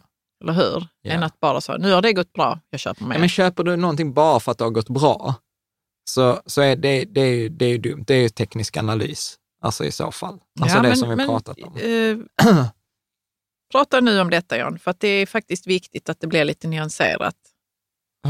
Va? Jag känner Det- mig lite det är väl- påhoppad här. Jo, men kolla här nu, Henrik 79. Ja. Du har absolut rätt, detta är ingen katastrof att, att du har tagit hem vinsten Ja, och sålt av något som har gått bra. ja, Men sen så kommer du Jan och säger att dina professionella kompisar, kompisar köper mer när det har gått bra. ja. Ja, det kan man ju. Men det ligger ju mycket i i en beslutsprocess för att göra det. Ja. Så det är inte automatiskt någonting man behöver göra bara för att Nej. någonting har gått bra. Nej, absolut. Men jag tror, jag tror att det handlar om, alltså för, för det första, i en indexfond, om vi ska ta det så, så har jag inga problem med att köpa mer när det har gått upp. Alltså i, i princip, jag bryr mig inte om vad indexfonden kostar när jag Men köper det ska ju den. bara puttra på. Ja, Mm. så här, här pratar vi kanske mer i, i, i liksom investera i, Tesla är ett enskilt bolag. Och jag har kanske en felaktig syn, men jag tycker att det är någon verklighetskoppling till att Tesla måste ändå sälja ett antal bilar för att få in pengar eller solpaneler eller vad det nu de gör. Så att jag, tycker ju liksom så här när, att de få gångerna jag investerar i lekhinken i enskilda aktier, då vill jag gärna både att företaget ska vara i en, i en liksom positiv trend, att de har gått upp, men jag behöver liksom någonstans också uppleva att jag och analytiker åtminstone är överens om att det finns potential att kunna uppnå de här målen. Så tänker jag. Mm. Så att, och ja, det man kommer underskatta många, men man behöver liksom, det vi väl åtminstone kan vara överens om här är att du behöver inte sälja för att det har gått upp. Nej. Sen huruvida du ska öka inte. eller inte, det, det får väl vara en Mm. fråga för ett annat avsnitt. Mm. Bra, ska vi, jag tror att Henrik hade några, han hade ganska många insikter här. Ska Ja. vi ta dem, vi kan ta dem ganska snabbt, för jag tror, ja, Ja. Okej, nästa insikt från Henrik 79. Jag agerade i panik och sålde en del fonder 2008. Dock behöll jag kanske 70 procent på börsen och väntade ut. Det stora misstaget var att jag blev så rädd att jag inte vågade investera på flera år. Det mesta jag köpte då, det köptes bara något halvår innan kraschen. Jag minns en gubbe på jobbet som sa, hehe, jag sålde redan i somras när jag berättade att mina fonder hade gått ner si och så mycket. Jag minns att jag tänkte, hur fan kunde han veta att det skulle krascha? Mhm. Ja, Henrik, det, det visste han inte, men han satt där ja. och Folk har, skrockade. folk- Jag, jag håller också med. Jag skulle, Caroline har knutit handen här, jag, jag skulle också förbannad. bara gett honom, du, helvete, du hade bara tur din jävel. Ja. Ursäkta Prob- min french. ja, och så är det ju, folk var ju också så här, jag missade coronanedgången för jag sålde julas. Men något som jag hatar är människor som kommer så, Ja, jag gjorde det, jag gjorde det för länge sedan. Fuck you, Ja, säger jag bara. jag förstår det. Jag, Ja, jag, jag förstår Jan. Jag förstår, nu tycker du att jag svär för mycket. Nej. Det tycker du. Nej. Och att det är okej med människor som sitter, här- nej, sitter och tycker att de gjorde så jävla bra grejer. Det Mm. gjorde de inte för de hade bara tur. Nej, Eller liksom, och sen sitter de och säger så, jag, jag gjorde det för länge sedan. Eller jag tog det beslutet långt före du fattade detta. Åh, jag hatar sånt. Hatar det. Men- Så Henrik 79, sorry att jag kidnappade detta. Vad skulle du säga Jan? Att jag tänker så här att jag behöver inte lägga så mycket energi på det. Det är bara att säga, ja, när jag får det där så säger jag så här, grattis, du var smartare än mig. Du vet, du behöver inte lägga... Jag är inte så stor som du Jan. Jag är inte så stor som för du. att, för att du, du behöver inte rub it in. Förmodligen är det tur. Ja, jag håller med om det. Och, och problemet många är så här, ja, de hade sen, kom inte in rätt. Så det, det viktigaste är så här, ja, de vann den delsträckan. Unna dem att de vann delsträckan. Det viktiga är inte att vinna delsträckan, det viktiga är att vinna maratonloppet. Mm, det skulle man sagt. Det skulle du sagt till honom. Nej, du behöver inte säga det heller. Behöver inte rub it in. Och det kanske var skicklighet, det vet vi inte. Nej, man måste ha en längre diskussion för att veta om det Ja. var någon Ja. som ville rub it in eller Ja. som, som förstod saker. Som Ja, och det intressanta med en sån person, det är ju att se så här, hur gick motiveringen till att de sålde redan i somras? Hur med. ser processen ut? Och är det en solid process, då kan man lära av den personen. Om de svarar så här, jag hade en känsla av att det skulle gå ner, då vet du att du kommer vinna över tid. Mm. Det är bara att ge det tillräckligt mycket tid så kommer de straffa ut sig. Precis, eh, Henrik 79, man måste hålla sig jättekall i den här sit- situationen. Och bara fråga så, hur resonerade du då när du sålde? Och- Grattis! Hur- Grattis! Hur- Kan du inte berätta för mig att berätta nu hur Ja. processen gick när Ja. du tänkte att nu säljer Ja. jag? Så kan du lägga huvudet lite på sned och le lite. Jag kan, jag kan göra det. Om jag bara håller mig kall. Bra. Bra. Ska vi ta Henrik igen? Henrik 79s nästa grej var, Ja. köpt en dyr bil för plus 350 000 kronor som såldes efter 100 mil. Det var ungefär vid denna tidpunkt som jag och min sambo bestämde oss för att byta livsstil helt och hållet och bli riktigt ekonomiska. Det var även här eh, jag mejlade lite med Jan om min tjänstepension då jag hade börjat intressera mig för sånt på allvar. Bilen köptes enbart för status som ingen brydde sig om ändå. Ja. Ett stort uppvaknande. Ja. Det som vi hade i den här pengapsykologi avsnitt två Mm. eller tre, där vi pratar så här, paradoxen med bil. Att man köper bil för status, men alla som kollar på bilen tänker inte på, gud vilken status han har i bilen, utan tänker bara så här, hur hade det sett ut om jag satt i bilen? Mm. Så här, the car, uh, man in the car paradox. Nej, men så här, generöst dela med sig och känner igen, Mm. känner igen mig. Jag hamnar ju också där i, i status från tid till annan. Mm. Bra. Här ska vi ta sista, jag tror det är sista två eller tre misstagen här. Misstag ett. Min första, mina första köp av aktier var Telia och Framfab. Nej, någon skön som också hade framfab. aldrig mer aktier och sån skit. Man förlorar bara sina pengar. Och med skit tänker jag fonder, aktier, börsen överhuvudtaget. Ja. Kan du säga misstaget återkommande? Mm. Mm. Misstag två. Sparkonto på Swedbank is the shit under många, många år. Ja, så noll i ränta. Ja, men man kan ju inte förlora dem i alla fall. Ja. Misstag tre. La in cirka 250 000 kronor under tre år i eget företag som jag sen la ner eftersom det gick dåligt och som grädde på moset råkade ut för en olyck- olycka och bli långtidssjukskriven. Så att Ja, det inte, sista kan, kan man ju inte hjälpa, men nej. men också så här 250 000 in i bolaget. Så här. Var försiktig. Om ingen annan lägger in pengar i ditt företag, varför ska du lägga in pengar i ditt företag? Mm. Och vad har du för garantier? Mm. Hade du lånat ut de pengarna till någon annans företag? Mm. Alltså så att var försiktig med sånt. Alltså, jag tror att ibland så subvention... Så här, jag tror att det bästa sättet att starta företag, det är om man inte har några pengar. Mm. För då, då behöver man vara kreativ, man behöver sälja, man behöver göra så här. Problemet är liksom så här, man vill starta företag, man har för mycket pengar privat. Då kan man vara slarvig. Så att, men det är en åsikt jag har om företagande och lån. Att eh, Mm. man ska kunna få pengar från någon annan. För min upplevelse är att om du har en bra idé och du är duktig så kommer folk slänga pengar på dig. Om folk vill slänga pengar på dig, då kan du sätta in dina egna pengar, för då vet du att det är ett värde. Men om ingen vill investera i ditt bolag, ingen vill låna ut pengar till dig, då borde inte du själv låna ut pengar. Man borde ta den feedbacken. Mm. Liksom. Sen finns det undantag såklart, men, men som generell tumregel tycker jag absolut. Okej, men sista här från Henrik 79 då? Jag vet inte om det är sista. Nej. Jo, nej, jag tror det är näst. Henrik har bara kört på. Näst sista från Henrik 79.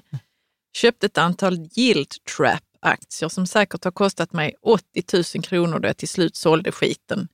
Jag lyssnar på fel personer helt enkelt. Tyvärr har jag också sålt av ett antal bra aktier som till exempel Microsoft, Apple och andra låggildande och köpt ren skit enbart för hög utdelning. Ja, det är den här utdelningsstrategin som vi pratade om. Ja, Så jag säga, många som gör samma misstag. Och ja. jag tänker så här, du som lyssnar, om du hör nu så här, någon som pratar om utdelningsstrategi, tänk på oss som har försökt och förlorat pengar. Du behöver inte förlora pengar på det också. Mm. Ja. Sista, Sista, sista. för Henrik 79. Ja, sista för Ja. avsnittet. för avsnittet också. För jag har varit alldeles för feg vid löneförhandlingar på grund av låg självkänsla. Den hade jag också. Mm. Så att, eh, Jag nej, med.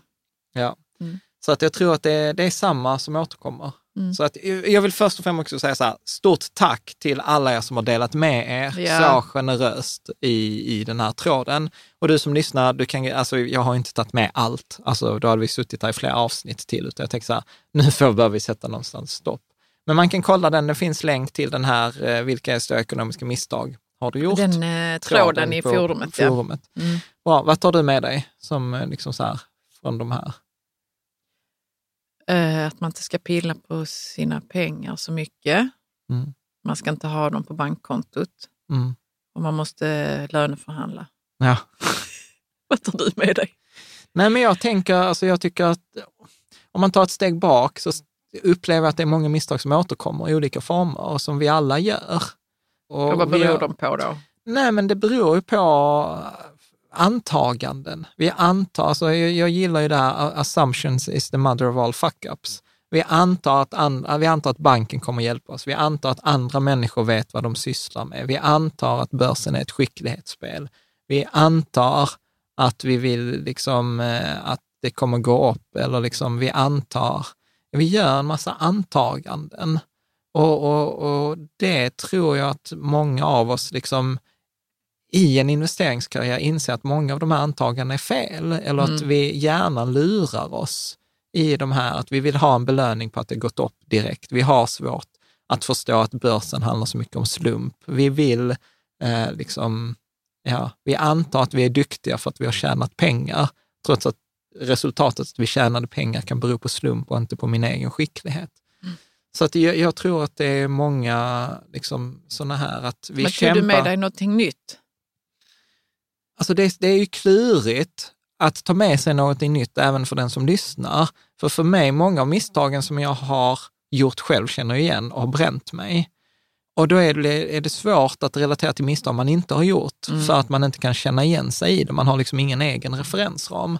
Så att det är därför det är så viktigt med en processbaserad strategi, att liksom skriva ner, nej men detta är min regel, eh, liksom, att inte kolla eller inte sälja, utan sitta still i båten. För då, då kan man ta till sig externa grejer.